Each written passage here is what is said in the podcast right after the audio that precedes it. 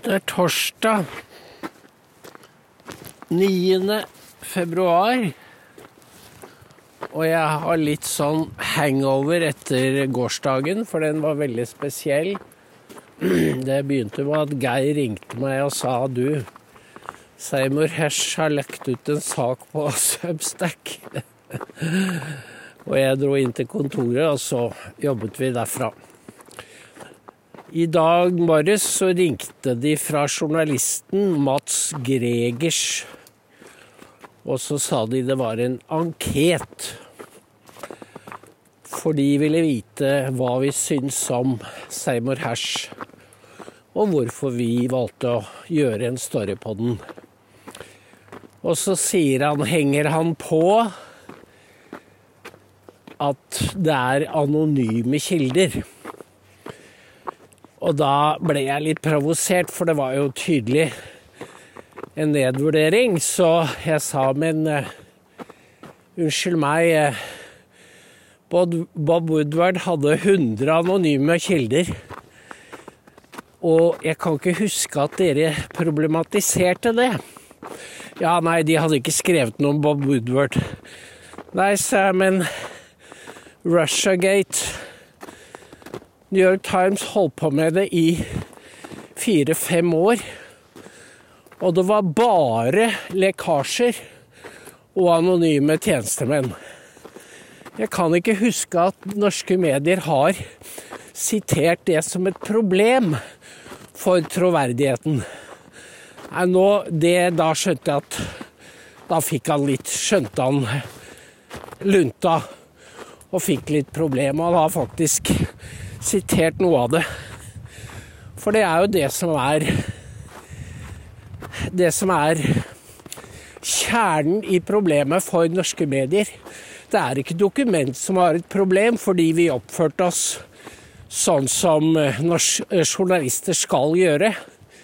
Vi fikk en sensasjonell historie i fanget som, hvis den er sann, betyr at Norge har vært med på en krigshandling mot Russland. Og når den da Norge er et lite land, når store medier som The Times i London og Daily Mail går ut, følger den opp og tar den seriøst, ja, så er det en story. Da er det Da får den vegg-til-vegg-dekning. Da er det ikke noe som heter ingen kommentar, sånn som UD gjorde i går. Fordi det er Det er det som kalles negativ bekreftelse. Hvis du har rent mel i posen, så kan du vel komme med noe mye mer overbevisende enn bare å si 'ingen kommentar' eller at det er et sprøyt. Karianne Solbrekke i TV 2. Hun eh, Jeg vet ikke hvilken kokebok hun bruker, men den er i hvert fall ikke journalistisk, for hun begynner å snakke om konspirasjonsteorier. Og det er disse mediene som ikke har gjort leksa si. De har ikke fulgt med på Russiagate og vet ikke hvor omfattende det er. De har ikke fulgt med på Twitter-files, hvor opprullingen kommer, og høringen begynte i Kongressen i går. De følger rett og slett ikke med på de viktigste storyene i sin egen samtid. Og da er de ikke lenger medier. De er ikke lenger journalister.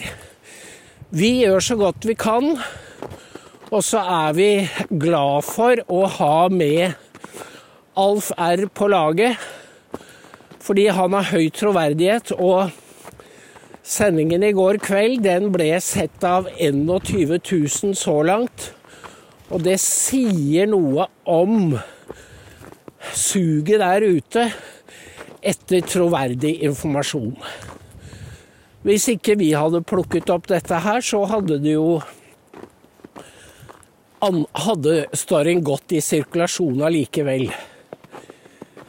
det er Karianne Solbrekke så vidt inn, innom. Men de bruker jo et terapeutisk argument. At det er bedre at, referere, at de refererer det, enn at det skal gå ut på blogger og den slags. Det er liksom resonnementet. Det er ikke historien i seg selv. Det er det terapeutiske perspektivet.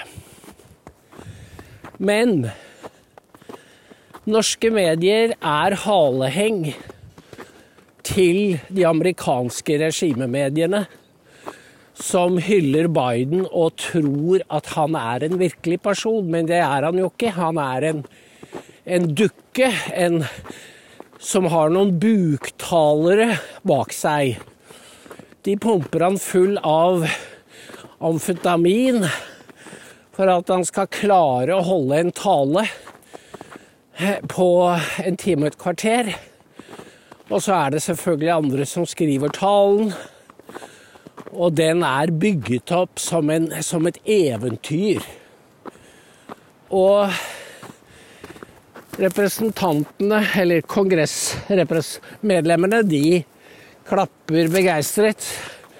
Mange av dem i hvert fall demokratene, men det han sier er jo det rene, det rene tøv eller ren fantasi. Og spørsmålet er hvor lenge kan du lure folk? Fordi amerikanerne har det jo ikke fett. Han snakket om alle jobbene han har skapt, og hvor godt økonomien går. Den vanlige amerikaner har tapt 7400 dollar på Biden. Altså 75 000 på en årslønn. Og det er ganske mye penger i USA for vanlige folk. Det er, eh, som Tucker sier, Biden er vicious. Han er ondskapsfull. Han har dette trekket som en del gamle har at de blir ondskapsfulle når de blir gamle. Og han har noen taleskrivere som, som også er liker å spille på disse strengene. Dette ser ikke norske journalister, fordi de er på denne Marie Antoinette-bølgen. De flyr over landskapet og kjenner ikke at at det brenner der nede. Og det er jo noe merkelig sykt ved at de har sånn empati for alle andre enn deres eget folk. Akkurat nå er det jo Tyrkia og Syria som jeg også begynner å få nok av fordi det er så salvesesfullt. Det er sånn Du skal føle. Og så kommer Wolasmal. Du skal føle. Nei, jeg vil ikke bli fortalt hva jeg skal føle. Fordi jeg greier å forestille meg hvordan dette er selv. Og så går det på repeat hele dagen om hvor mange tusen, osv. Dette er ikke vanlig nyhetsdekning. Det er følelsesmessig flaggelanteri. Det er selvpisking. Og jeg syns ikke noe om det. Det spilles med så mange kort for å lure oss. Og i dag var det Kjerstin Bråten i DNB som hadde tjent 9 milliarder på et kvartal, og hun sa snakket jo om at de måtte kjøle ned økonomien. Og dette har også Støre sagt. Det var derfor de måtte stramme inn på budsjettet. Men ikke når det gjelder Ukraina.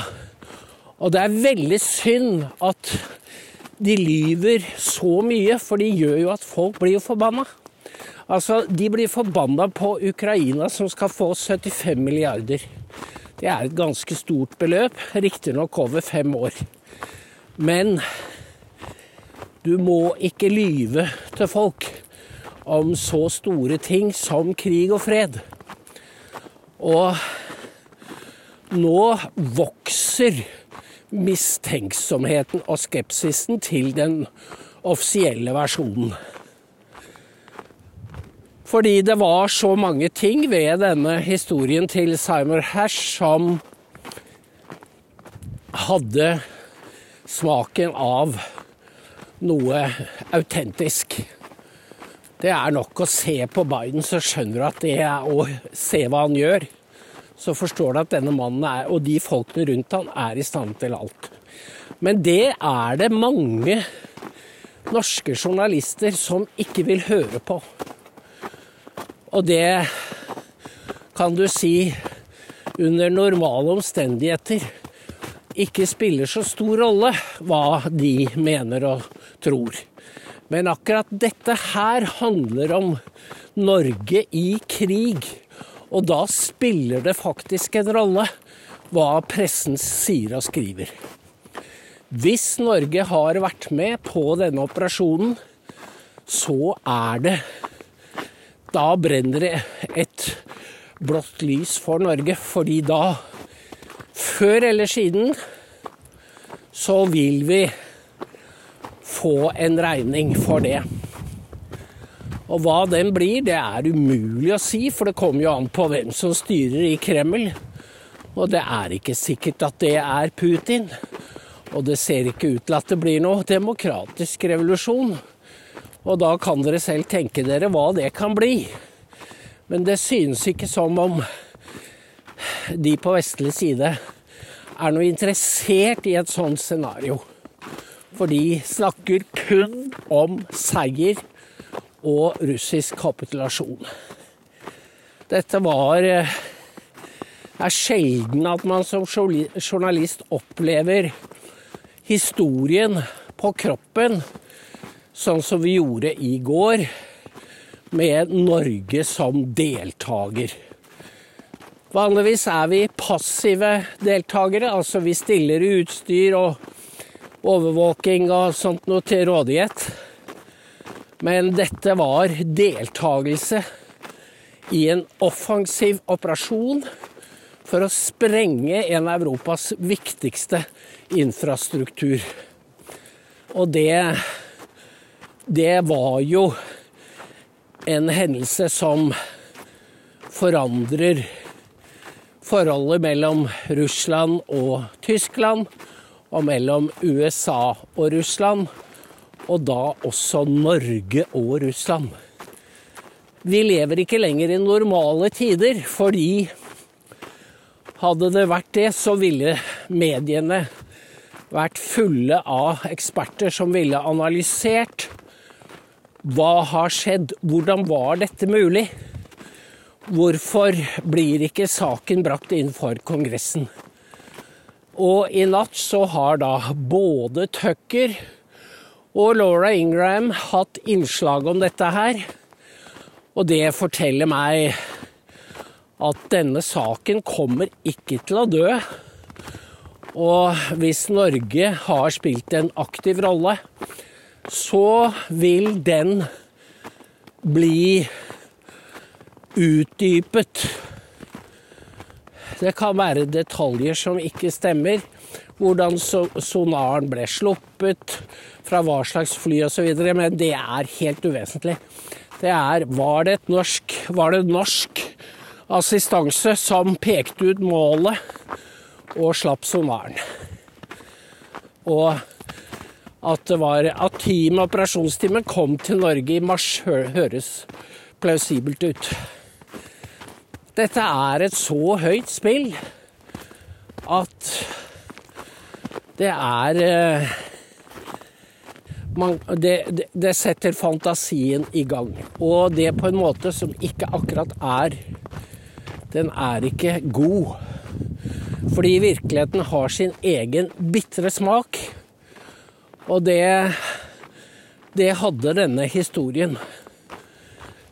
Det var en som skrev, en, en tekniker Det var flere fra oljebransjen som skrev på dokument i går og i natt at de har vært med å bygge opp oljeindustrien, Troll A, og så blir kunnskapen brukt til dette her.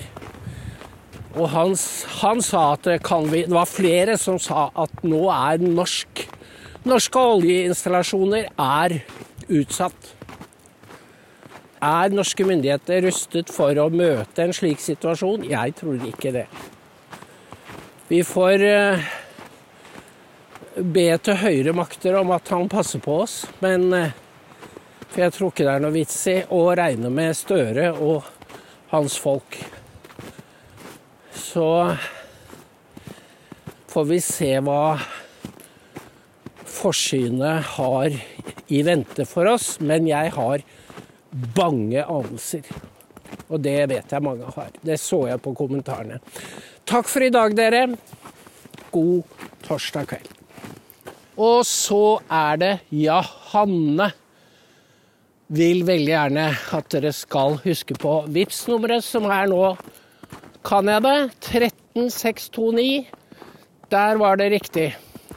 Og ikke en volleyballklubb i Rogaland. Takk skal dere ha som passer på oss. God kveld.